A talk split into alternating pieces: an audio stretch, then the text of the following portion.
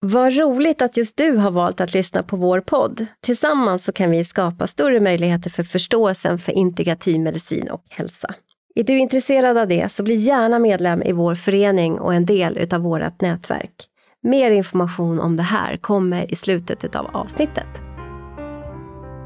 Varmt välkommen till både och istället för antingen eller en podd om integrativ medicin och hälsa med mig Lena Kjellqvist Nygren. Vi spelar in på psykoterapimottagningen Integrativ hälsa på Södermalm i Stockholm. Idag har jag inte bara min producent Fredrik Ankarsköld med mig, utan även ledamot i FIM Jenny Levin. Jenny, som också är legitimerad dietist och som själv deltog i det tredje avsnittet av podden, då vi pratade mikrobiom och kompost. Men nu till dagens gäst. Vi är så glada för att få välkomna Dr. Linus Mårtensson. Varmt välkommen! Tack!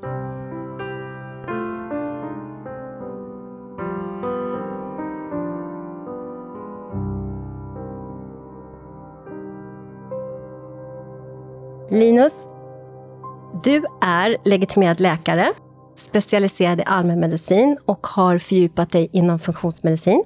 Du är även utbildad hälsopedagog vid Idrottshögskolan. Och som jag har förstått det så har du utbildat dig inom funktionsmedicinen både i Sverige och i USA.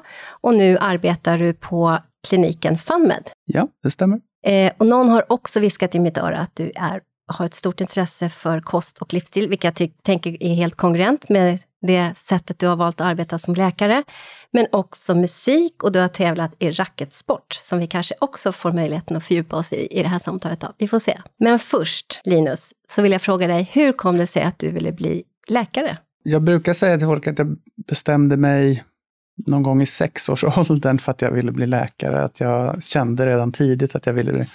Jag har en mamma som är läkare, eh, också distriktsläkare, har jobbat eh, många, många år.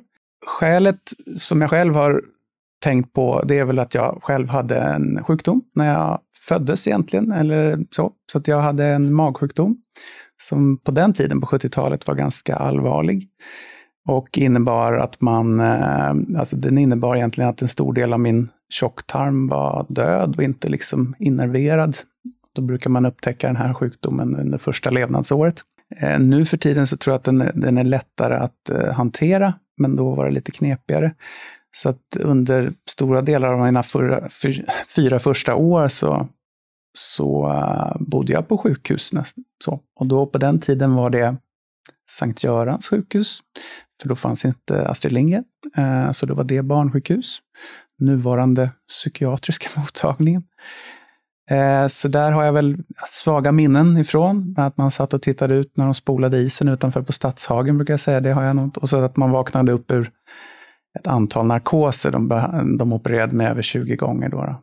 Och eh, tog sen bort större delen av tjocktarmen. Och sen så efter det så hade jag besvär med magen eh, i någon form av kraftig IBS, eller vad man kan kalla det för, väldigt uppsvullen och hade svårt eh, generellt toalettbesök och sånt där i ja, nästan 30 år, men eh, efter det. Och eh, det påverkar ju en psykiskt ganska mycket också. Om man liksom känner att man inte mår bra. Vägen till hälsan går genom magen eller så, som man brukar säga. Så det, det tror jag påverkade väldigt mycket. Och då kunde det kanske gå ändra vägen där i början när man var liten. Ändra skulle man kanske börja tycka väldigt mycket om sjukhus, eller så skulle man inte tycka om det alls. Men i och med att jag var så, så illa däran tror jag och, och, har väl fått berättat för mig att jag även tydligen var dödförklarad vid något tillfälle, så kände jag väl nog snarare att, att sjukhuset räddade mig. Så att jag kände att det här vill jag nog också ägna mig åt, att försöka hjälpa andra människor. Då. Väldigt tidigt kan man nog säga att jag kände att jag ville ägna mig åt det. Sen så, jag jobbade en del redan från yngre tonåren jobbade på Södersjukhuset i 14-15 års åldern eh, och jobbat på vårdcentraler som sjukvårdsbiträde och sen så har jag jobbat som undersköterska eh, under ganska lång period inom rehabmedicin. Även under utbildningen till läkare. Men det tog ett tag innan jag kom in på läkarlinjen. Jag, eh, det var inte raka spåret in. Och jag var väl kanske inte allra mest motiverad på gymnasiet, så jag hade inte de där toppbetygen. Och så det tog ett tag innan man kom in. Och precis när jag hade tänkt att det liksom var kört, att det, så, så skulle jag prova en gång till och söka till Karolinska och då kom jag in. Då, då. Så det slutade med att jag gick 13 år på högskola totalt, så jag har gått ganska mycket utbildningar. Läst eh, som sagt till hälsopedagog, en treårig linje på Idrottshögskolan. Jag har läst data och systemvetenskap på både universitetet och Tekniska högskolan i två och ett halvt år. Och sen har jag läst lingvistik, språkvetenskap, morfologisk cellbiologi på Vårdhögskolan. blev det också en sväng. Eh, så det var lite blandat innan jag liksom kom in. Då, då. Nu ska jag ju säga till dig som lyssnar att Jenny kommer, vi kommer dela på att prata med, med Linus. Jag brukar ju vara ensam i de här poddavsnitten, men, men ibland så kommer Jenny vara med och det är du då. Men när jag lyssnar nu på dig Linus så får jag ju många liksom, frågor och, och då tänker jag, eftersom jag, jag är ju sjuksköterska och psykoterapeut, att eh, jag tror att många gånger så handlar det om de där människorna vi möter på sjukhusen, vad som, liksom, hur det utformar upplevelsen utav vad, vad vi liksom får för upplevelse av hur vi blev omhändertagna. Ja. jag tänker, har du något sånt minne av att du liksom har... Jag tänker sen som läkare, om det finns med dig, du sa att du bestämde det när du var sex år. Var, var ja, det någon händelse då? Jag vet ju inte om det var exakt sex Nej. år, men det, jag har fått för mig att det, liksom, det känns som att det var, det var väldigt, väldigt tidigt. Och det är väl säkert så att jag har någon slags väldigt svaga minnen av, av folk som jag träffade på Sankt Göran och sådär eh, fortfarande, liksom hur de såg ut. Inte liksom mer än så, men som jag var så liten. Men, och, och kände väl liksom att det var något kall, liksom att jag ville hjälpa folk på samma sätt som de hade hjälpt mig. Då. Mm, precis. Sen så kan man ju liksom på den vägen, och det kanske vi pratar mer om sen, så kanske man har blivit mer eller mindre desillusionerad av hur vården fungerar alla gånger. Men, eh, men sen så, men fortfarande är ju så grundtanken ändå att jobba med det och det, det, det, där är så fint att vi kan föra det vidare, särskilt vi som väljer att tänka liksom helhet eller holistics, som det liksom är populärt att kalla det för.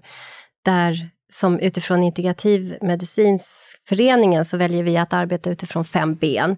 Traditionell hälso och sjukvård, ett integrativt sätt att se på psykosoma, nutrition, fysisk aktivitet och det existentiella perspektivet, att, att vi på något sätt blir bemötta i en väldigt utsatt situation och sen kan liksom för, vill göra det vidare. Det är på något sätt en del av hela systemet. att Jag tänker, då har man förmedlat någonting väldigt bra. Då har man kunnat möta någon som verkligen har behövt på ett fantastiskt sätt. Ja, jag, jag tror att det finns en, ja, dels en styrka kanske i att ändå ha varit med om en del jobbigheter själv, även om det förstås inte är ett krav, men att ibland så kan det finnas en nytta mer i, i hur man kan bemöta andra eller hur man kan liksom för att jag som sagt använder det ibland med patienter som söker för liknande besvär, om de har magbesvär eller liknande, så kan jag ibland åtminstone nämna att jag har också upplevt hur det är att ha den typen av besvär, även om man förstås aldrig kan riktigt helt sätta sig in i hur någon annan känner det. Just det, såklart. Men mm. ändå, man har ja, en, någon absolut. form av egen upplevelse. Ja. Och, och, viktigt tänker jag att vi, jag tänker att det kan vara så för er läkare, men det är ju så för oss när man läser till psykoterapeut, att man kanske inte alltid ska berätta så mycket om sig själv, men, eller det säger utbildning i alla fall, men att det faktiskt många gånger blir liksom den där bron över mellan terapeut och patient som blir en bärande, om de förstår på riktigt så här, ja men du har också varit med om någonting och det gick bra.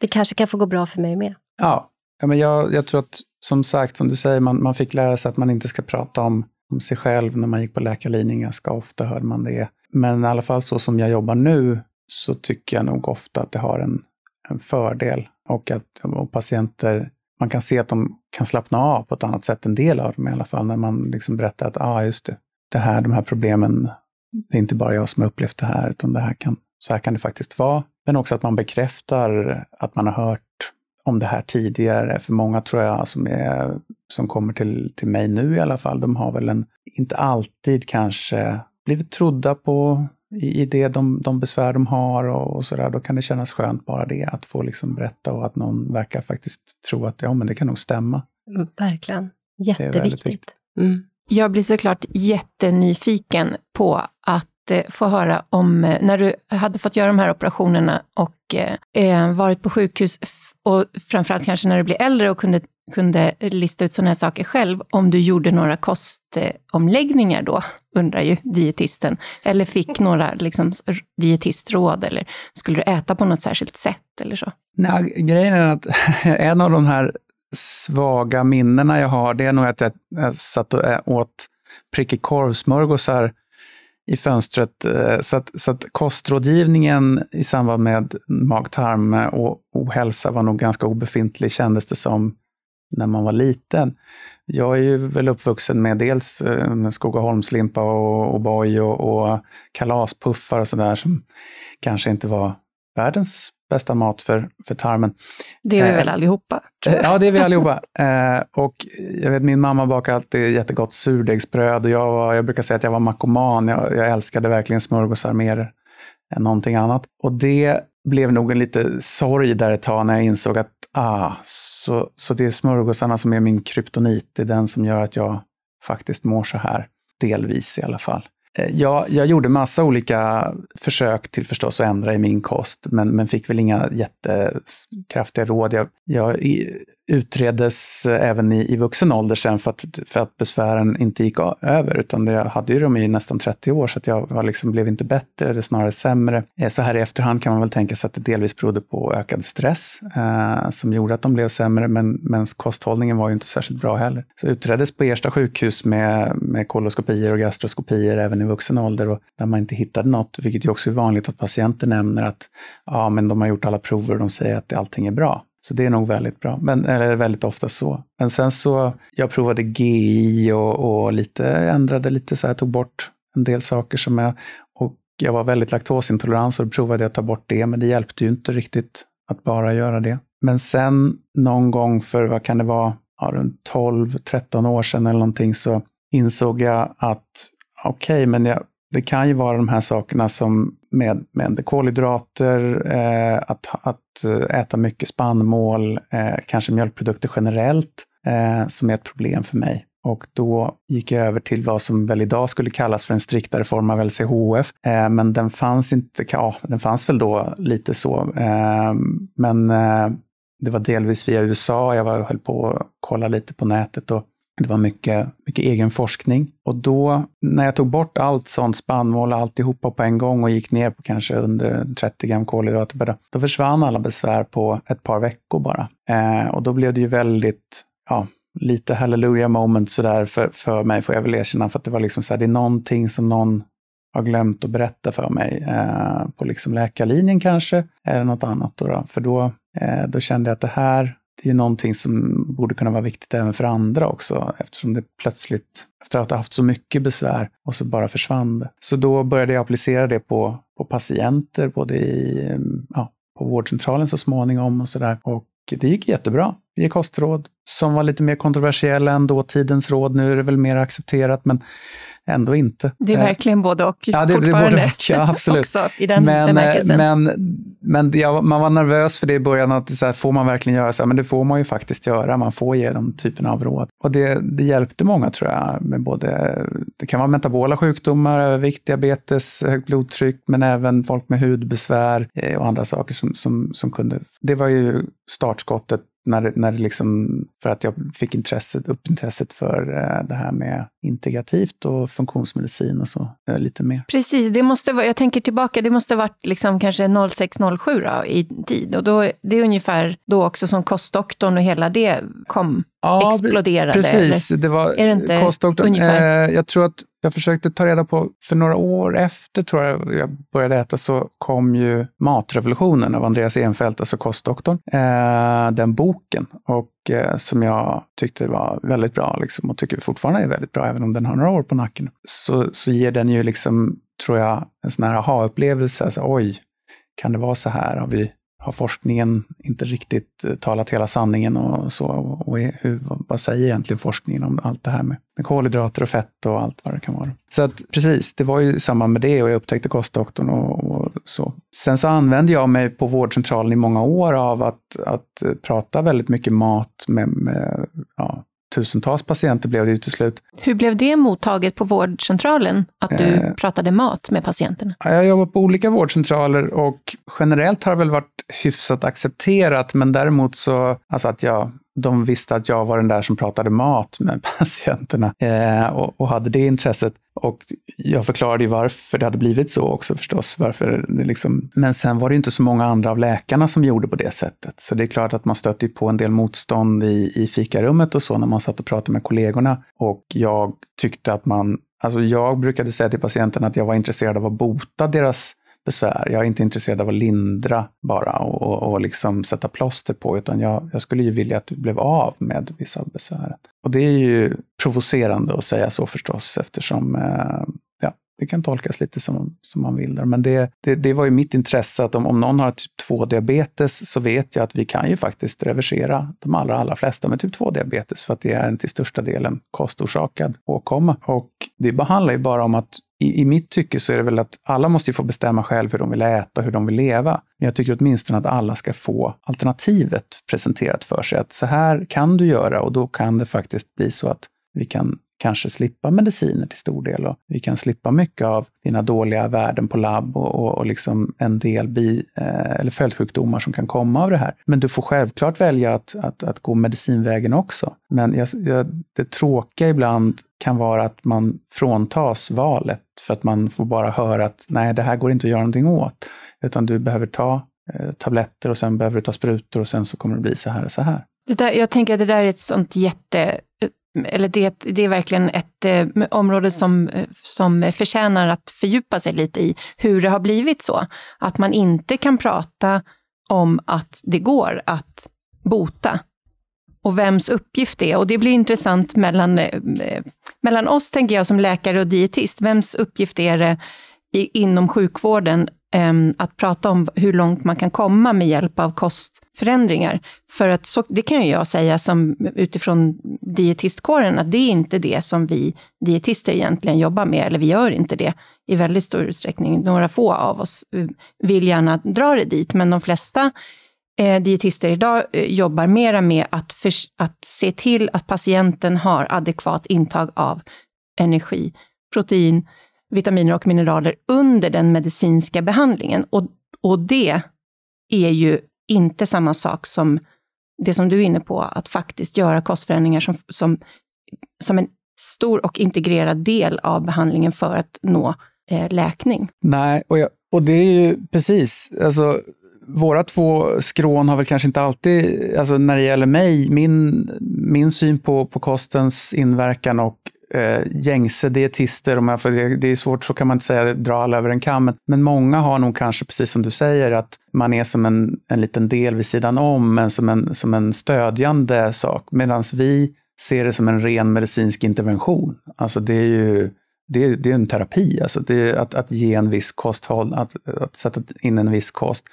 Men i och med att det har varit så undanskuffat i liksom även utbildningarna för läkare och sådär, så de flesta läkare är väl och det beror på kanske att de inte har det intresset heller. De är så här, ja men du kan få gå till en dietist och så kan de eh, stötta upp dig lite grann. Eller så kan det vara så att, ja men det är väl bra att du sköter kosten, men det viktiga är ändå att du tar de här medicinerna nu eller att vi gör de här sakerna. Så. Och det är klart att man måste skilja på akut vård, där dagens vanliga vårdapparat är fantastisk. Alltså vi är otroliga på att liksom ta hand om akuta åkommor. Det, ju, det, kan man ju se varje dag. Liksom. Där har utvecklingen skett eh, explosionsartat. Men när det gäller det kroniska, vilket tyvärr utgör 70-80 procent av minst av det som vi ser på vårdcentralen, så är vi ganska långt efter tyvärr. Och då, då, blir det ju eftersatt. Så att för mig så skulle det, jag menar, jag gör ju mer, det kan vi diskutera ibland när man sitter och jobbar med funktionsmedicin, att hur mycket medicinskt läkararbete som är vanligt på vårdcentralen gör jag nu? Ja, Jag gör ju kanske mer dietist, eh, vad jag tänker mig att en dietist skulle göra, nu än vad jag gjorde när man jobbar och skriver ut eh, massvis med massvis med mediciner och så.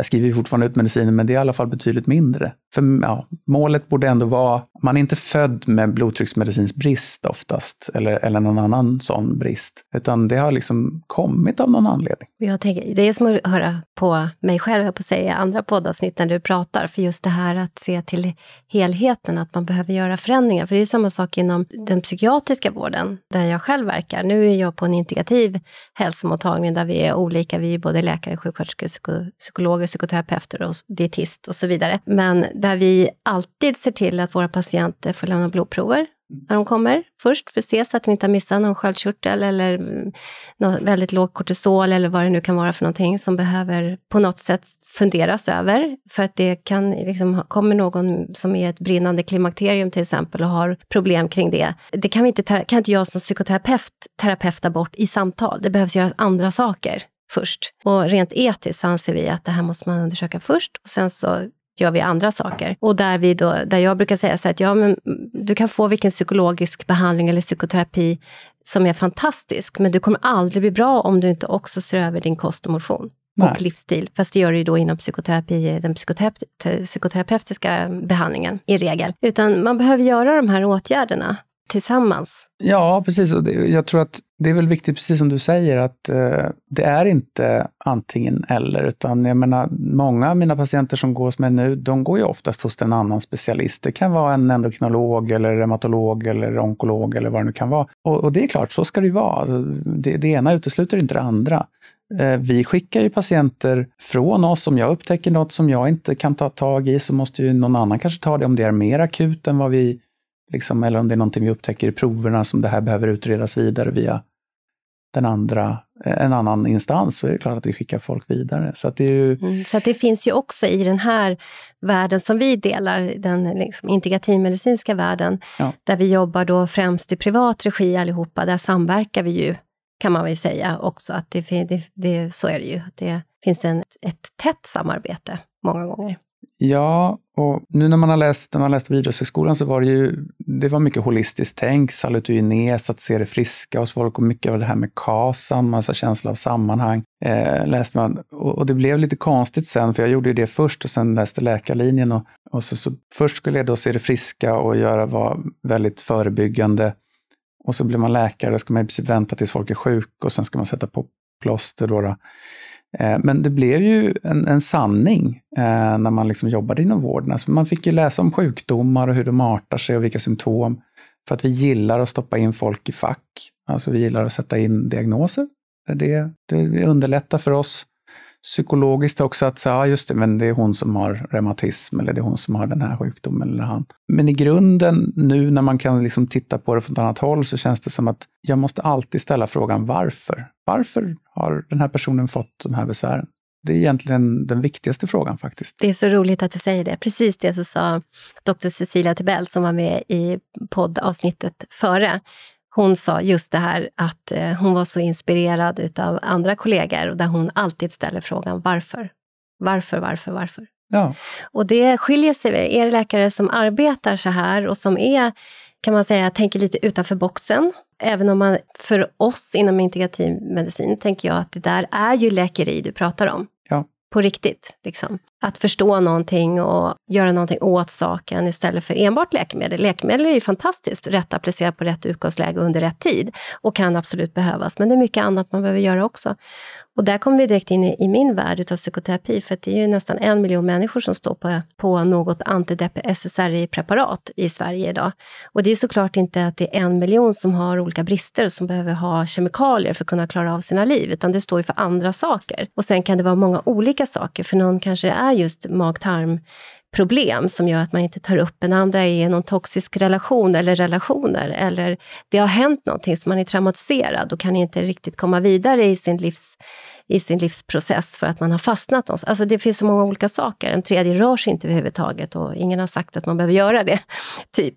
Så att det, det krävs den här um, kan man säga, förståelsen för system, förståelse för komplexitet och det är, finns inget motsatsförhållande till akut och intensivvård som vi är liksom världsklass på i Sverige. Utan det är just det kroniska och komplexa som jag tror integrativ medicin har sin stora liksom, bidrag till. Ja, jag håller med. Det är, och jag tror att det, det svåra i, i den vanliga vården så är det lite löpande band-känsla, eh, om man säger att man ska man räknar pinnar, man ska ha liksom många patienter, man kanske tar 20, ibland eh, mer, 20, ibland 30 liksom på en dag om man har mycket akuta besök. Medan nu kanske jag tar tre eller fyra patienter per dag, men det, det tar ju mycket längre tid just för det, precis det som du säger, att det är så många aspekter som måste gås igenom. Men självklart så behöver jag ju ja, som läkare börja någonstans. Och det är klart att vi i funktionsmedicin så är ju ett väldigt stort fokus ligger på mag-tarmkanalen, både när det gäller psykisk ohälsa och fysisk ohälsa, liksom att det faktiskt grundläggs där till väldigt stor del. Och det är därför vi siktar där. Men det, det är i och med att den vanliga vården är så oerhört icke inriktad på det så, så kan det, då, då, blir det ibland även gentemot patienter så kan de ha svårt att tänka liksom, ja, fast jag har ju ont i mitt knä, varför pratar de om vad jag ska äta för någonting? Det är ju jättekonstigt.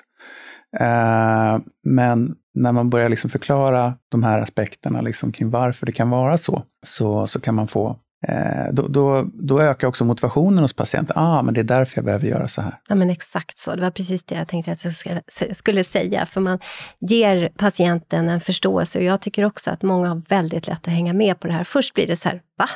Vad pratar du om?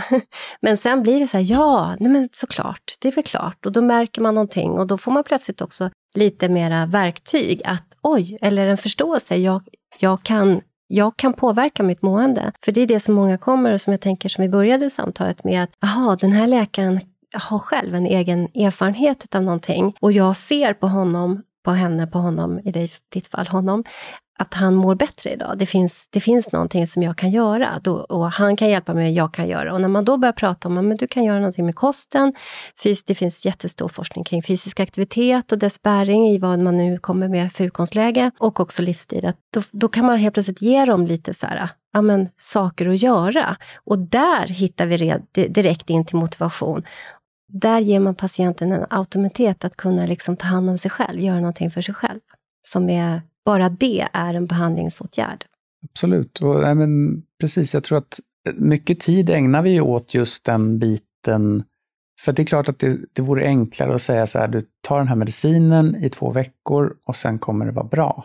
Och det, det, kanske, det, det kanske dämpar symptomen eller det kanske är så att man har en blodtrycksmedicin som trycker ner blodtrycket förstås. Så, så funkar de ju medicinerna. Insulin trycker ju ner sockret liksom och det, det är klart att och smärtlindrande eller vad det än kan vara, antidepressiva, men, men det kommer ju inte åt rotorsaken varför det har blivit så.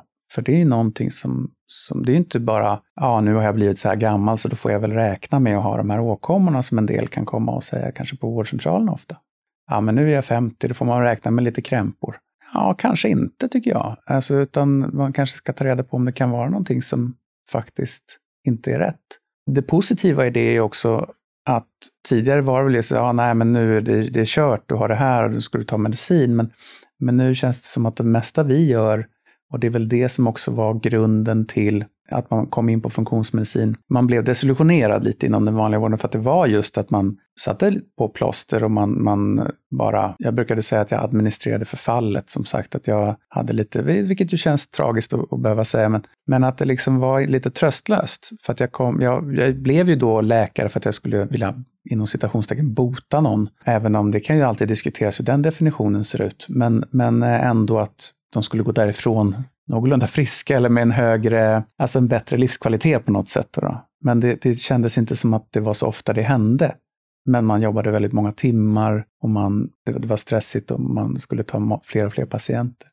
Och det var fler och fler som kom också med, med de här livsstilsrelaterade sjukdomarna.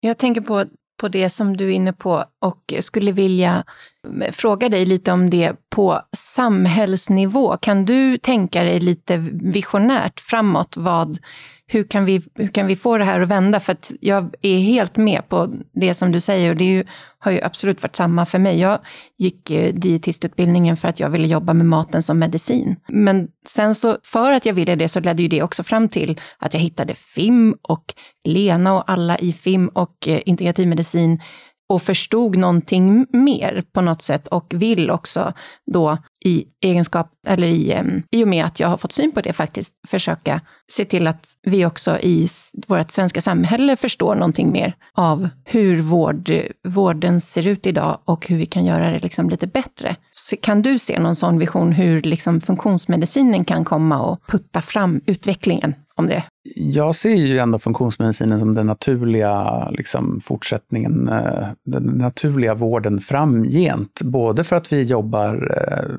liksom förebyggande, för vi har ju patienter som inte har några sjukdomar eller åkommor överhuvudtaget. De kommer bara för att de vill på något sätt försöka optimera sig att förebygga. Men självklart har vi väldigt mycket folk som har jättemycket olika åkommor och symptom. Så att för mig så känns det som det naturliga, men ibland om man tittar på amerikanska funktions... Där I Amerika har ju funktionsmedicinen Eh, funnits mycket längre, där man liksom pratar om att ja, kanske måste den vanliga vården nästan kollapsa innan, innan man får till ett, ett paradigmskifte, för det är lite det det måste till. Att dels, det kan man väl se generellt i, i media och sådär, att man inte tar upp den biten när det gäller liksom att att förbättra sitt, sin hälsa generellt. Jag tror ju att det kommer vara, och jag vet att Peter som grundade FAN, men det har vi pratat om det en del också, att det kommer kanske vara lite så underground ifrån, att, att folk inser att ja, men det verkar inte som den vanliga vården har möjlighet att göra det här och det finns faktiskt fler och fler människor som faktiskt blir hjälpta av att, att göra på det här andra sättet. Och så sprids det på det sättet helt enkelt, organiskt. Ja, och någon slags grund i det är ändå alltid livsstilsförändringar och motivation. Ja. Att vilja. Och en, vad ska man kalla det för, manifest sjukdom kan ju vara en motivationsfaktor som faktiskt sätter igång det. Och då om vården kunde möta upp där mm. och verkligen på alla olika plan, till exempel det här med hur, hur ser maten ut på sjukhusen? Det skulle kunna vara en jätteviktig del, att man redan där börjar prata om att det här är faktiskt bra mat. Och egentligen, när man pratar bra mat så där, då ju, finns det ju mat som är generellt bättre för alla än eh, socker. Ja, precis. Och jag, ja, det kan man väl verkligen säga. Nej, så, så mycket socker som vi äter, äter idag har vi väl aldrig gjort genom evolutionen och vi tittar ju mycket evolutionsmedicinskt sådär.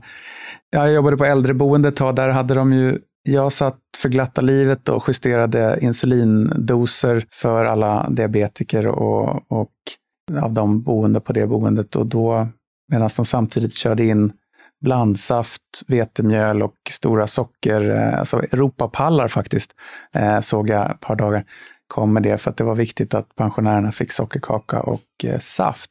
När alla hade då väldigt mycket metabola ohälsa som ju delvis kanske Alzheimer kan räknas som också. Och det var ju väldigt vanligt just på, på det här boendet då, med demenssjukdomar, diabetes, övervikt och så.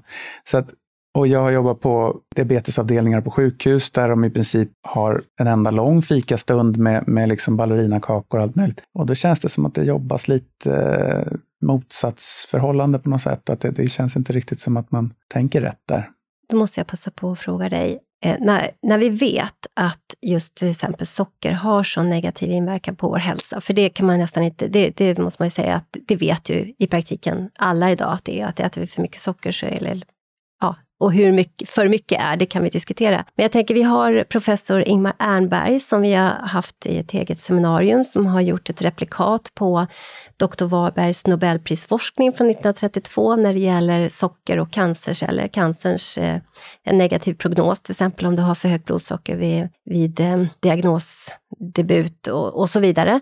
Och sen så har du med insulinet, till exempel med socker, att du vet att du kan, som du sa tidigare i, i samtalet, att eh, kan få reversera en diabetes typ 2 med kostomläggning i nästan alla fall. Och vad har vi mer för olika saker? Det, kan, det, finns mycket som visar på just hur kommer det sig att det inte får större genomslag? Det ärliga är ju dels, tror jag, att det finns kommersiella krafter, alltså ekonomi. Vem tjänar pengar på att jag skulle bli helt frisk och medicinfri? Ja, kanske inte läkemedelsbolagen i alla fall och, och troligtvis inte en del livsmedelsproducenter. Det, det liksom underlättar om de kan göra snabb, eh, sockerrik mat som vi köper mycket och så. Och sen så kan vi då ta mera insulin från det, det, ser man ju när man tittar tillbaka på, på den reklam eller det, det vi gav ut till våra patienter om mat vid diabetes och liknande. Det var ju, det var liksom foldrarna var ju gjorda av samma läkemedelsbolag som gjorde insulin. Så det är klart att det, det finns ju en, när man tittar in i det, alltså det sägs väl att Pepsi sponsrar väl dietisternas utbildning i USA och så här. Det finns, och Coca-Cola är väl en av sponsorerna av Hjärt-Kärlförbundet tror jag. Där i alla fall i, i USA. Och det är klart att då får man ju fundera dels kring vad kommer forsk vilken forskning kommer fram. Så att det, ekonomi är väl en sak. Sen är vi också, alltså vi som människor har ju också en, man brukar prata om att det, liksom, det, det finns ju en, om man tittar på kost, djur, de, de tänker väl liksom, det, det är liksom rent biologiskt om man säger så här, det här ska jag tydligen äta för att få i mig mest energi och näring och sådär. Medan vi tänker fredagsmys och, och trerättersmiddag och att det är jättegott med franska ostar och sådär. Vi har en psykologisk faktor förstås, som är väldigt, väldigt stark och så att vi är vana och att det är beroendeframkallande att liksom äta mycket socker delvis. Så att det, och det är därför det finns, det finns ju sockerberoende terapeuter och sådär som vi använder mycket, som vi kan använda oss av.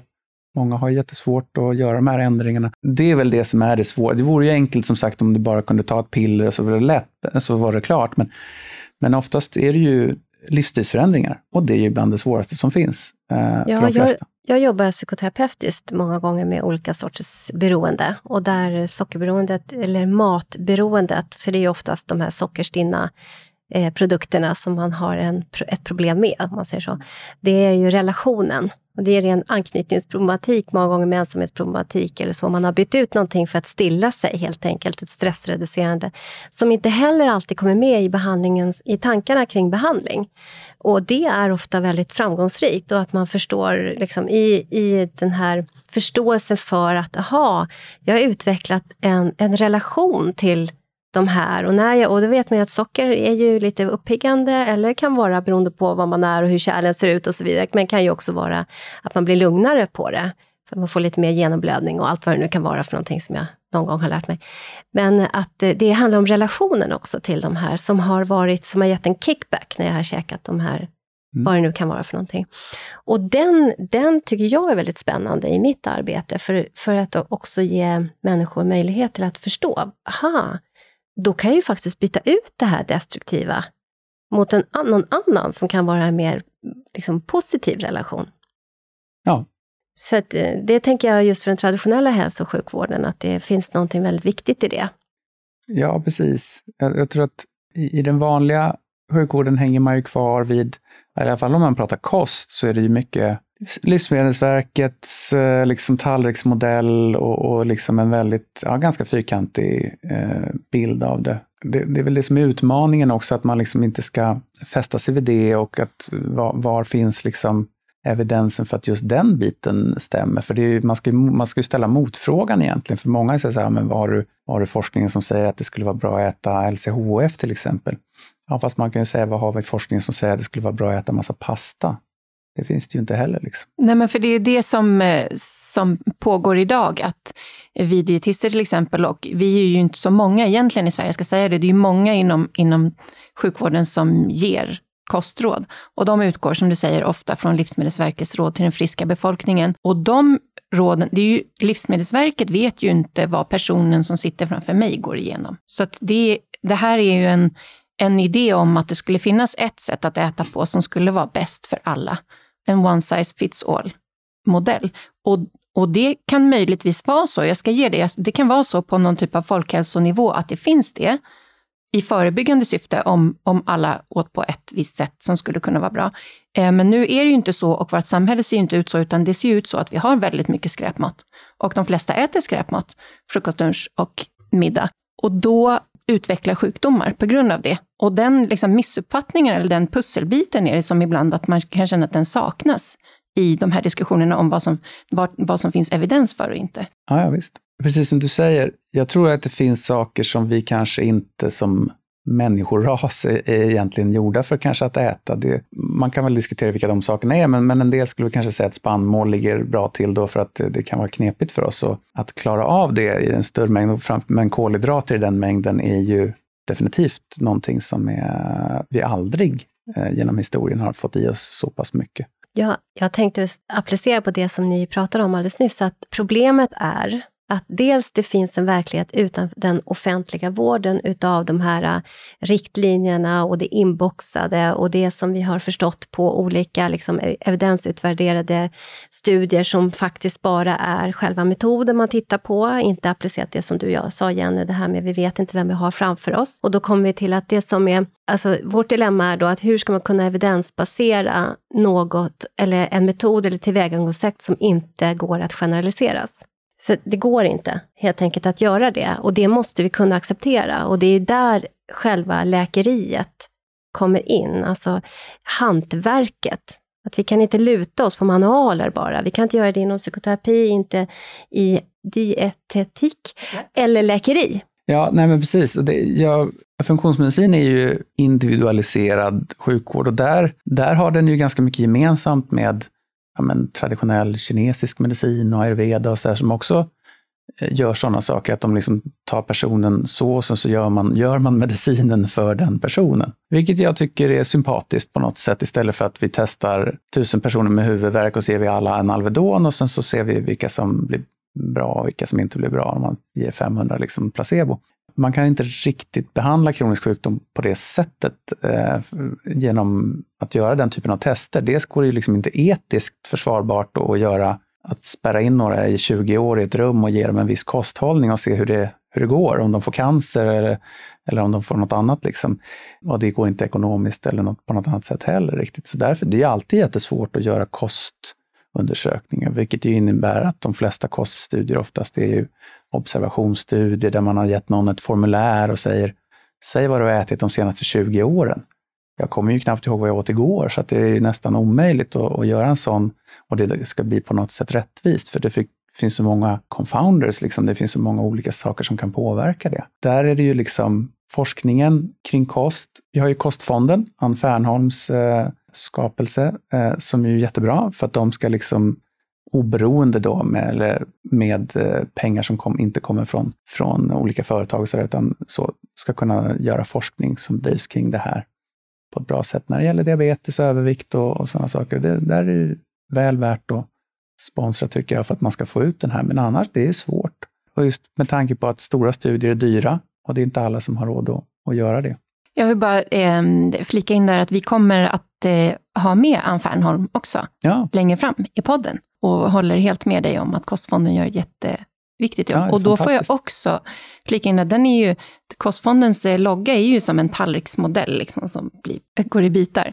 Och, och jag vill bara säga att jag kan eh, tycka att just, vi pratade om modeller och metoder och då att tallriksmodellen är faktiskt bara egentligen en modell. Man kan använda, man kan lägga vad som helst på tallriken sen. Så att det är ett sätt att förklara att du kan lägga olika saker på tallriken beroende på vilket resultat du vill ha sen. Så att på så vis är tallriksmodellen inte liksom fel aktig. Nej, nej, jag håller med. Eh, tallriken är ju en tallrik som sagt, som du säger, och jag kan alltid använda den precis som jag vill. Ja. Jag tror att när jag säger tallriksmodellen i min eget huvud så, så tänker jag på den gamla där det ska vara en viss mängd av en viss, viss mängd kolhydrater, viss mängd eh, sallad och viss mängd så. Men eh, det är helt korrekt. Alltså, jag, mm, vi äter ju fortfarande oftast på tallrikar och där, där kan man ju lägga upp precis vad man vill. Eh, och jag menar, det är ju det är individuellt eh, eh, vad som skulle passa för den ena och andra patienten. Det är också det som gör jobbet så pass eh, intressant och spännande. Vi ser ju alla kosthållningar, eh, när vi, för vi pratar ju så pass mycket mat, vi, vi får ju se allt möjligt. Ibland sker det stora förändringar, ibland sker det små förändringar i, i vad, vad folk äter och det är ju inte det enda vi gör. Vi försöker också ta bort de sakerna som kan vara underliggande hinder för att det här kosthållningen skulle kunna vara bra för, för den här personen. Och sen, det är alltid som är knepigt med, med det här, det är att processerna kan vara ganska långa. Vissa, vissa saker svarar fortare, uh, vissa, vissa åkommor svarar fortare, men en del saker tar lång tid. Och det är väl det som en del kanske, ju, ju det här med tålamodet, att, att liksom kunna göra en förändring, kanske hålla den över tid. Det är nog det bland det knepigaste. Och, och den här önskan hos den enskilda, vi pratade förut om motivation, det finns gärna en önskan om one pill, one ill, one mm. pill på något sätt och så får jag gå vidare med mitt liv. Eh, även om jag kanske vantrivs i det, om jag sitter och funderar och reflekterar lite grann, så vill jag helst inte göra några förändringar för X, Y, Z och så har man massa olika skäl till det. Och, och det är kanske inte förrän man är motiverad till det där tillräckligt mycket som man är van, liksom villig att göra det. Men tillbaka till dig, Linus. Vill du berätta vidare? Vad hände med dig? Du, gick, du sa 30 år gick du med symptom och du började olika dieter som du prövade, strikt LCHF. Vad, vad hände efter det? Ja, som sagt, jag, jag hamnade på eh, någonstans runt det, det året, för att vi nu kom överens om, så, så var det väl LCHF, eh, som det får väl kallas nu, då, eller keto. Sen har jag hållit en, en, liknande typ av kost, även om jag kanske i perioder nu på sista åren har varit kanske ännu lite striktare än så. För att man upplever kanske att man eh, mår bäst på det sättet. Så att man kan säga att jag ändrar min kost under, inom ett väldigt smalt spektrum just eh, nu för tiden. Även om jag, slarvar väl också, eh, det gör ju alla. Liksom. Det är så vi pratar med patienterna också. Så här, men kan man hålla sin kost till ungefär 80 procent så är man ju faktiskt väldigt duktig tycker jag. Det är inte så lätt för någon att göra det. Så att kostmässigt så har det väl varit där för mig. Och då har det fungerat bra. Eh, men man, man ska också veta att det, liksom, det är saker utifrån som påverkar. Stress till exempel kan göra att det liksom, även den bästa kosthållning kan, kan ibland falla och, och sådär. Att man har Eh, det, det, finns en massa andra faktorer. Och det märker man ju när man försöker lägga pusslet för olika patienter.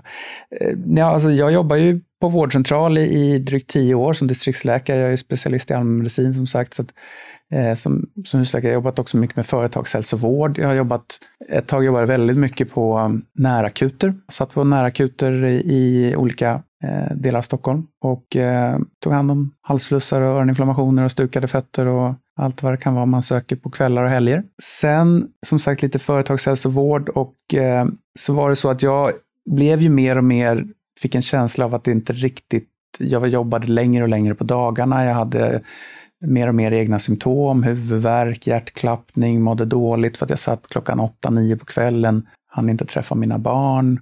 Eh, och så vidare på, på vårdcentralen. Men min handledare när jag gjorde ST-utbildningen, han satt också där till 8-9 och tänkte så ja, det är väl så här det ska vara. Och, och, då kan man ju fundera, liksom, ska det vara så? Eh, på min första vårdcentral, där var det kanske, det var nog jag och en till som jobbade heltid tror jag. Alla andra jobbade deltid för att de inte orkade. Och då undrar man, ska det vara så? Ska, ska det vara att ingen orkar riktigt jobba heltid i sitt det yrke man är utbildad till? Det tyckte jag var lite så här konstigt. Och vi har ju det finns en Facebookgrupp som heter Vem tar hand om doktorn? Som är väldigt stor. Många, många tusen medlemmar. Doktor Jill Taube har startat Precis. den. Fantastiskt arbete. Och Maria. Ja, de är jätteduktiga och det, det är en häftig grupp. De har varit med på tv en del. Men, men det talar ändå om att det finns en, en ohälsa i, i den här kåren liksom som man måste som säkert beror på någonting. Eh, även där, att det är en väldigt mycket tyngre belastning, har alltid varit så här. Det är väl lite kanske, i alla fall i vissa kretsar i läkaren, så är det väl att ja, man ska bita ihop och ja, så här är det. Det är jour hela tiden och det är liksom så. Men frågan är, är det, är det, är det så det ska vara? Liksom? Men, men i, i, takt med att jag kände att jag, jag mådde sämre så insåg jag också att det kanske, det behöver göra någonting annat jag ville nog kanske ägna mig lite mer åt det här som jag höll på med väldigt mycket på vårdcentralen. Jag satt och pratade mat, jag satt och pratade livsstil. Men det tog väldigt mycket tid så att jag blev alldeles ännu mer stressad av det för jag hade så många patienter per dag så att jag hann inte med. Och så tänkte jag att jag skulle starta någon sån form av mottagning. Och då, det här var ett antal år sedan, då, då var det så att en av de här stora storheterna inom funktionsmedicin som heter Chris Kresser, han var i, i Stockholm och föreläste. Och jag var där och då var det några sponsorer, eh, bland annat eh, några som heter Nordic Clinic eller Nordic Labs, där det jobbar en kille som heter Graham Jones. Och han är fysiolog från England då, väldigt duktig på funktionsmedicin, har jobbat i många år med det i England. Och jag stod väl där och pratade om att jag så gärna skulle vilja öppna en mottagning inom funktionsmedicin. Och han sa, vi har precis skaffat en mottagning, vi har längtar bara efter en läkare som vill börja jobba för oss. Och då var det väl som gjort för att jag skulle göra det då. Så då började jag jobba med honom eh, och Nordic Clinic ett tag. Och sen så jobbade vi där i nästan två år parallellt med vårdcentralen. Men kände väl alltid att när jag var på vårdcentralen så gjorde jag väl lite, lite våld på mig själv för att jag kunde inte riktigt säga hela sanningen eller göra riktigt som jag ville där. Jag hade haft kontakt med Peter Martin då, för jag hade läst om honom ett par år tidigare. Om hans historia om utmattning och, och det här hur han kom tillbaka. Som också har med LCHF och så att göra. Då. Så att då jag hade haft kontakt med honom och vi hade pratat lite om att, eftersom han har startat sin mottagning i Göteborg, så skulle vi starta en i Stockholm. För det var det naturliga att ha en, en här i, stor, i huvudstaden också. Då. Så till slut blev det så. I november 2019 så öppnade vi FunMed Stockholm på Kungsholmen. Och nu har vi ju snart fem mottagningar kan man säga. Vi har fyra just nu, men eh, snart öppnar vi Malmö och, också. Och där jobbar du ju med en bror till en av våra ledamöter i vår styrelse. Ja. Bo Edelstam, du jobbar med hans bror Nils Edelstam. Ja, precis. Det är jag och Nils som är läkare här i Stockholm och vi eh, kommer snart få sällskap av ytterligare en, en doktor. Så det har varit jättekul. Och eh, Eh, Nils kommer ju från en lite annan bransch då, och han har jobbat mycket med, med psykologi och, och den biten på PBM och eh, Inmo tidigare idag. Men eh, så vi har lite olika bakgrund, men det har fungerat väldigt bra. Och sen så har jag liksom, eh, när vi började i där hösten, vintern 2019, så jag vet inte hur många vi var, men nu är vi väl närmare 30 90 anställda på, på Farmen, så det är varje nytt Zoom-möte så är det ytterligare några nya ansikten som jag inte riktigt har sett. Så det är spännande, det, går, det har gått fort och vi har, har liksom vuxit ganska mycket. Det är jättekul. Och det ska väl sägas också att det finns ju en Peter Martin, han som grundar Farmed, och Jonas Bergqvist, sjukgymnasten, grundade ju, som har, eller Jonas Bergqvist har ju Paleo Institute och där han har utbildat folk inom funktionsmedicin och till eh, hälsocoacher och liknande i, i många år. Men de startade något som heter FMVU, då funktionsmedicinska vårdutbildningar, för vi tyckte att ska det här kunna tas på ett, liksom, det, till det planet där det kan räknas som en, en fortsättning av vården, då ska det också vara anpassat till den vanliga, till svensk vård och att det ska finnas för legitimerad vårdpersonal så att det ska liksom vara en professionell vidareutbildning inom yrket. Då. Och FNVU, vi var bland de första som gick det, eller jag var med i den första kullen eh, som gick den utbildningen. Och det var efter att jag hade varit i USA också och utbildat mig lite. Du har utbildat dig mycket genom ja, ditt liv. Ja, det var lite. Sen så, just Chris Kresser som jag nämnde, han har en egen utbildning. Den har jag också gått och den, är, den har varit online. Då. Den är nästan ett år lång. Då. Ja, det har varit en del. Men det är kul. Alltså, man läser om sitt intresse och sådär. Och eh, helt plötsligt så får man ju faktiskt göra de saker som man ville bli läkare för, faktiskt. Nu, nu efter när man har blivit 47, så, så kanske man faktiskt gör de sakerna som jag ville göra. Men det kanske inte var så man ändå såg det när man var liten, att det skulle vara, utan där var det ju mycket tabletter och piller och att man skulle sätta sprutor och alla sådana saker. Det är den här förståelsen att, att um, omfatta kunskap den fenomenologiska kunskapsspiralen som aldrig tar slut. Liksom. Att vi lär oss ju hela tiden. Jag hade en lilla syster som blev väldigt svårt sjuk i cancer. Och vi fick, när jag var sju och hon var fem, och då fick vi små doktorsväskor som vi lekte med. Vi älskade ju de där med salvor och pincetter. Och, ja, men, liksom. och sen hur man tar sig an, någonstans där börjar det, apropå motivation, till allt förändringsarbete. Och det är på något sätt liknande med det vi jobbar med. Att, och jag tänker att just inom integrativ medicin och vårt nätverk så tycker jag att alla som är eh, med i det nätverket, intresserade och så, är kunskapstörstande, som frågar varför och vill veta mer och mer. Och det finns ett liksom sprunget ur en vet, kraftig eh, motivation av egen ohälsa eller andras ohälsa som betyder mycket för oss och så vidare. Och så tar vi oss vidare. Och det, det är någonting som är liksom värt att också höja på något sätt status för. Ja, men ja. Vi har med oss någonting och det, det gör att det liksom bottnar på ett annat sätt än om vi inte har det. Nej, precis, jag håller helt med. Och det är ju det är väl den drivet som gör att ja, både Nils och jag sitter nog säkert ofta och lyssnar på poddar och läser saker. Och jag kommer på mig själv att sitta och läsa om mögel eller något annat som jag ska kanske ta hand om när jag veckan därpå, på helgerna och sådär. Man, man, om man inte hade liksom det brinnande intresset, och det märker man ju även på jobbet, att folk är väldigt drivna. Alla de vi jobbar med, våra hälsocoacher och adminpersonalen, allting liksom som, som har ett intresse av det här. Och kanske har gjort en egen hälsoresa. De flesta har ju någonting, alltså alla har gjort en hälsoresa på något sätt, men, men som har kanske någon bakomliggande åkomma som de ändå har gjort åtgärder för. Då.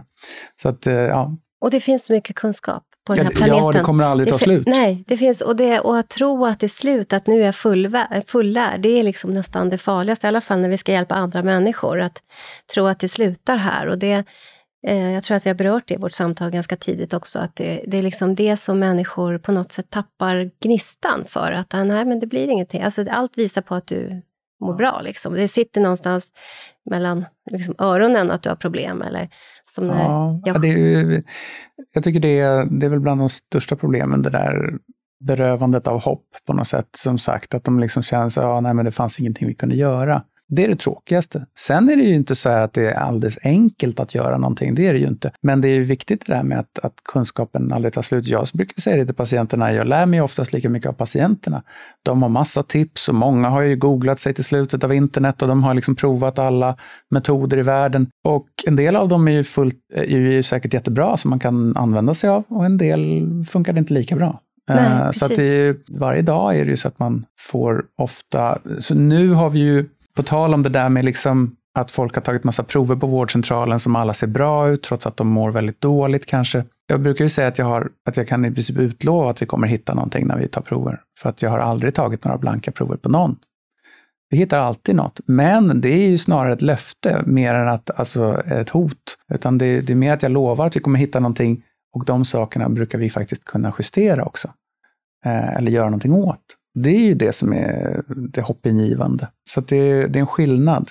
Jag gick skillnad. på en, en stor mag-tarmutredning för nu ganska många år sedan, 25 år sedan kanske, hos en specialist och hon var krediterad i, i Stockholm, den bästa.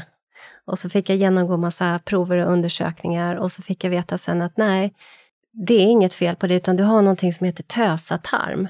Att vi tror att du har en lite längre tarm och det är därför alla dina besvär är. Och jag sa till henne, men jag tycker ändå att jag blir bättre när jag tar bort gluten och mjölk. Och så, nej, det, du kan få äta vidare. Det är, det, det är bara, det är nog mer att du får jobba med din uppfattning om det.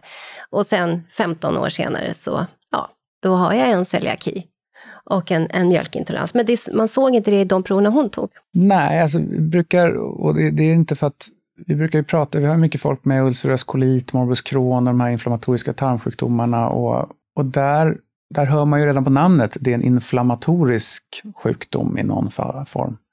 Så att målet måste ju vara att först ställa frågan varför har man fått en inflammation? För det är liksom grund, varför blir det så här då? Och sen så att förstås för att försöka dämpa inflammationen. Och, och behöver jag göra det alltid med, eh, med starka immunsupprimerande läkemedel Eh, eller kortison? Eller finns det så saker jag faktiskt kan åtminstone hjälpa till att göra själv? För självklart är det inte så att, att man kan få bort medicinen från alla människor. Det kan man inte göra. Men man kan för de flesta som söker, eller snarare alla som söker, har ju en önskan om en bättre livskvalitet i någon form. Det kan ju vara att jag vill gå ner i vikt, jag vill kunna spela golf, jag vill kunna sticka, leka med barnen, att jag vill ha lite mindre medicin eller ja, vad som helst kan vara bättre livskvalitet för den personen. Det kommer jag aldrig kunna säga innan. Det, det kommer vi överens om när vi träffar dem. Så, okej, okay, men det här är det du strävar efter. Ja, men vad bra, då satsar vi på det. Sen efter ett halvår när de kommer tillbaka och säger så här, ja, men det där stämmer inte längre, för nu har jag nya högre mål. Och det är ju kul, för då har de liksom oftast kanske uppnått vissa saker. Och sen så har de satsat på nya saker. Och framförallt fått en upplevelse av att de kunde göra förändringar. Ja. För det var det som den här läkaren tog ifrån mig då. Ja, ja okej, så nej men jag fortsätter med det här och hade jag gjort större, nu, nu fick jag inte faktiskt diagnosen celiaki utan en, en glutenöverkänslighet. Jag kallar det för celiaki för då förstår de flesta vad man pratar om så slipper man dividera, men, men en överkänslighet.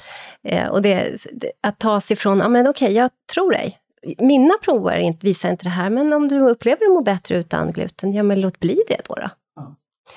Ja, för, för det är väl det som jag tänkte komma till med det här med ulcerös kolit och morbus Crohn och, och den typen av inflammatoriska tarmsjukdomar. De flesta som jag, jag pratar med patienterna, vad säger din andra läkare? Säger din mag-tarmspecialist eller så om, om det här? De säger, i nästan 100 procent av fallen säger de att nej, kosten har ingen inverkan på det här.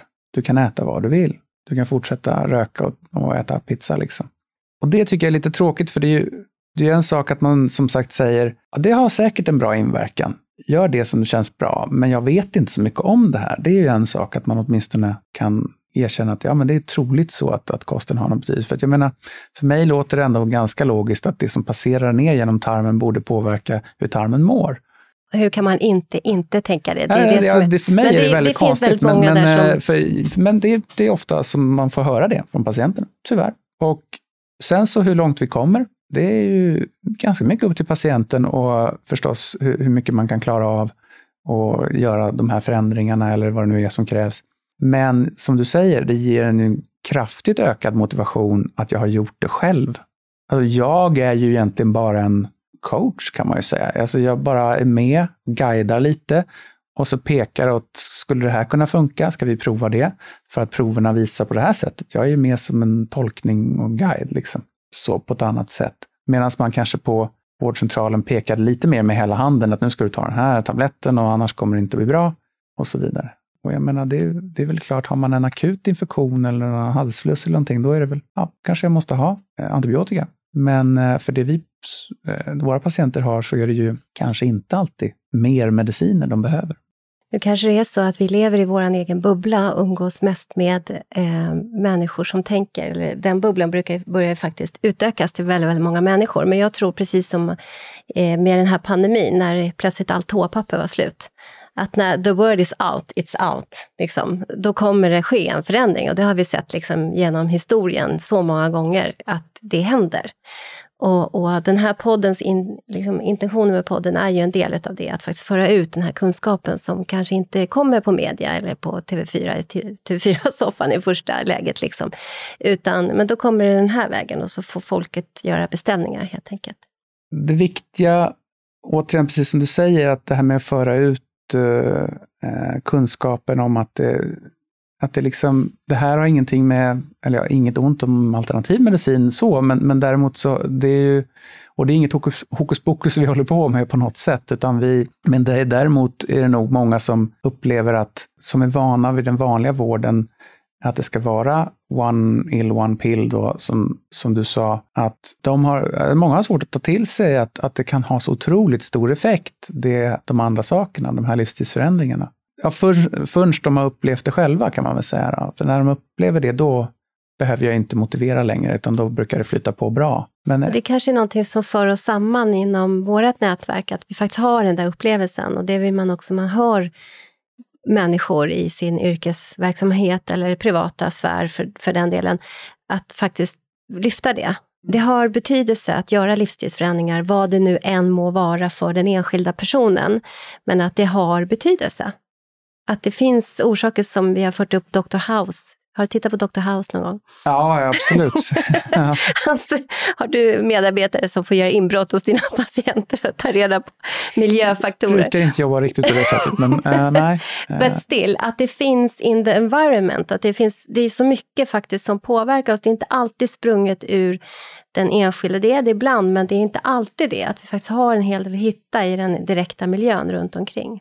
Nej, men jag tror att det, det, är ju, det är ju det viktigaste, liksom, att man kan få en känsla för att det faktiskt och också hur stor andelen av de här, alltså de här sjukdomarna som vi faktiskt pratar om, för många tror att ja, ja, men du kanske kan påverka om du har lite ont i magen eller, eller så genom att äta annorlunda. Men det är inte det vi pratar om här, utan det är verkligen den överväldigande delen av sjukdomar i samhället idag och de som har ökat mycket det är liksom inte bara magbesvär förstås. Det är liksom eh, reumatism, fibromyalgi, ME, akne, eksem, eh, ADHD, astma, allergier.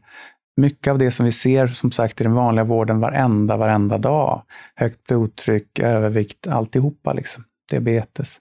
Så att, och Alzheimer och alla saker som, som följdsjukdomar som kommer av allt det här när man ska, det är snarare svårare att räkna upp sjukdomar som inte har med det här att göra, förutom kanske att bryta benet eller, eller få en hjärtinfarkt, och så, som är alltså rena akuta saker. Ja. Som inte skulle kunna påverkas av det här. Det är mm. nästan, man kan nästan inte hitta en åkomma som inte skulle kunna göra det. Men där är det svårt, för, jag tror att det är svårare för funktionsmedicin och för integrativ medicin. Det är väl att det är en långsam process, man, eh, just det där med att man inte, det skulle vara enklare om man fick en snabb effekt. Så, men det, på sikt är det ju en mycket mer ekonomiskt försvarbar effekt för alla. Absolut. För samhället, för liksom mm. arbetsgivare, för patienten, för försäkringsbolaget. För... Det är dumsnålt på något sätt att ja. inte ta tag i det här det, på en det är gång. Klart. Och, alltså, ja. För det kommer mm. ju inte sluta bra. Liksom. Ja, så är det. Eh, så är det. Och sen så, så tänkte jag också på bara att, eh, som en fråga där, hur, hur du ser på det, hur man kan liksom ta eftersom mitt område är kostrådgivning eh, och dietetik, att hur man på samhällsnivå ska våga ta det, det ett steg längre än, för att det, grunden är livsstilsförändringar, men livsstilsförändringar så som de uttrycks idag i det formatet kommer man ju inte hela vägen på, så som du har varit inne på, det är också en del av det du har berättat. Hur ska man, eh, hur ska man få till exempel dietistkåren, läkarkåren, sjuksköterskorna att våga ta ett steg till? i kostrådgivning, framförallt då som en del i livsstilsförändring? Alltså, ja, det är ju en jättesvår fråga förstås. Eh, som du säger så, så är det väl lite att man är där och skrapar lite på ytan bara, i de flesta fall kanske.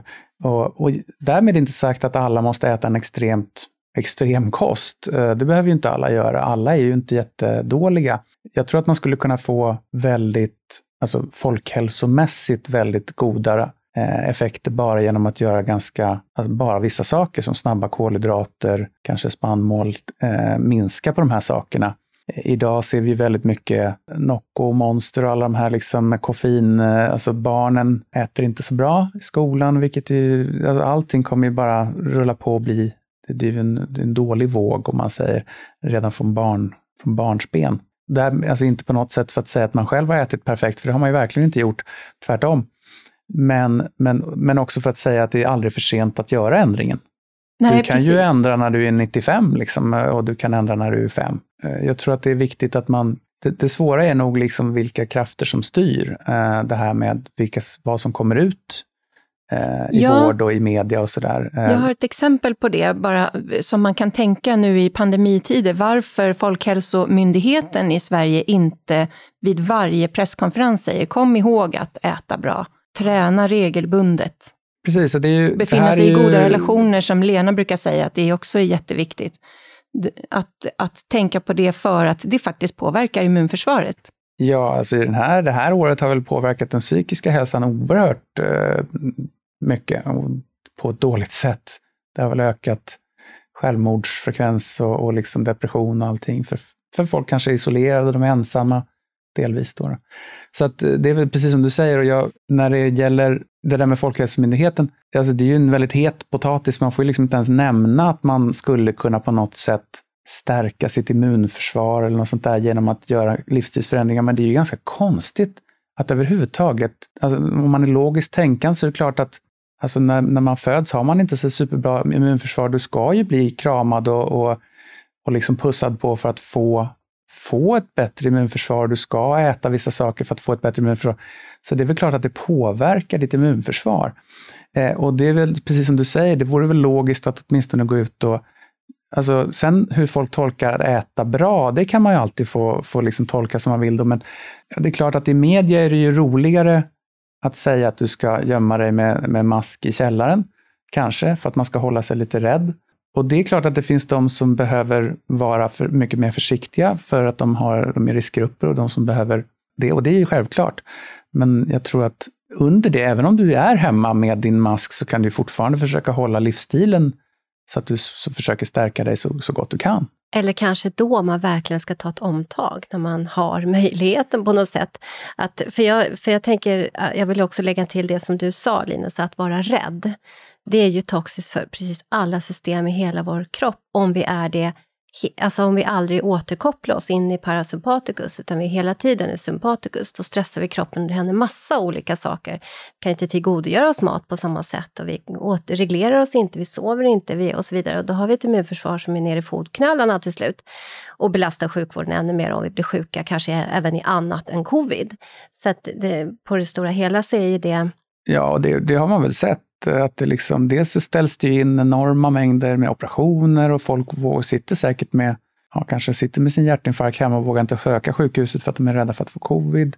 Och den psykiska ohälsan har, påver- eller ohälsan har ökat. Men många, vi möter ju många patienter som tror jag för att vi har ju ganska mycket patienter förstås och det, de, en del har nog i samband med liksom när de hamstrat toarullar så kanske de ändå har tänkt att jag kanske ska göra ett omtag i min livsstil nu. Det, nu kan jag passa på för nu jobbar jag hemifrån, då kanske jag ändå ska börja gå ut och träna eller, eller göra något eh, promenader eller äta bättre eller sådär. Så jag tror många ändå har det finns de som säkert har gått åt fel håll och ätit mycket sämre. Såg man åtminstone tyckte jag i början när man gick i livsmedelsaffär. Ja, där var det kö utanför Systembolaget i början där och sen var det ju inte bara hälsomat i, i kassarna på ICA tyckte jag när jag gick där. Jag brukar titta ibland vad folk köper och det var ju nästan så att de bunkrade för en tre månaders Netflix-maraton mer än, än något annat. Men jag tror att det har ändrats lite över tid när det har hållit på ett tag. Att folk ändå börjar känna att det här kanske inte, vi måste nog försöka förbättra oss. Särskilt när man ändå har kommit fram mycket mer om det här med metabol ohälsa. Att det är en stor riskfaktor faktiskt för att drabbas vilket är säkert en anledning till att USA har drabbats ganska hårt för att de har väldigt mycket av det. Övervikt, diabetes och så. Så att och det, många tror jag är också väldigt, de tror att det är en väldigt stor ändring som måste till för att liksom göra det. Du kan ändra din metabola hälsa på ett par veckor, alltså bara genom att börja göra de här ändringarna. Sen att det liksom inte du förlorar all din övervikt eller så på den tiden, men, men du kan ju ändra liksom riktningen på väldigt kort tid. Det här samtalet skulle kunna pågå hur länge som helst, så kanske får vi bjuda in dig igen Det var otroligt givande. Så jag vill passa på att säga stort tack till dig Jenny som var med idag i samtalet och ett stort varmt tack till dig, Dr. Linus Mårtensson från FunMed. Tack snälla.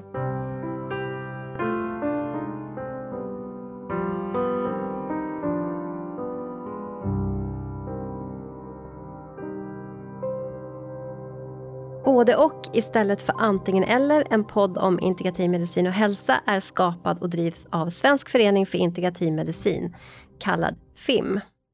FIM är ursprungligen en yrkesförening för legitimerad vårdpersonal som vill arbeta för integrativ medicin och hälsa i Sverige. Vi representerar sjuksköterskor, dietister, fysioterapeuter, läkare, psykoterapeuter, psykologer, tandläkare, för att nämna några. Och idag omfattas också våra medlemmar av associerade medlemmar som inte behöver vara legitimerade. Föreningens arbete vilar mot den vetenskapliga grund för integrativ medicin och hälsa som finns, såväl svensk som internationell, och på systemisk förståelse av människan i sin miljö. Vår förenings arbetssätt har hittills varit att arrangera konferenser, seminarier och folkbilda genom att sprida information via sociala medier. Vårt senaste tillskott är denna podd.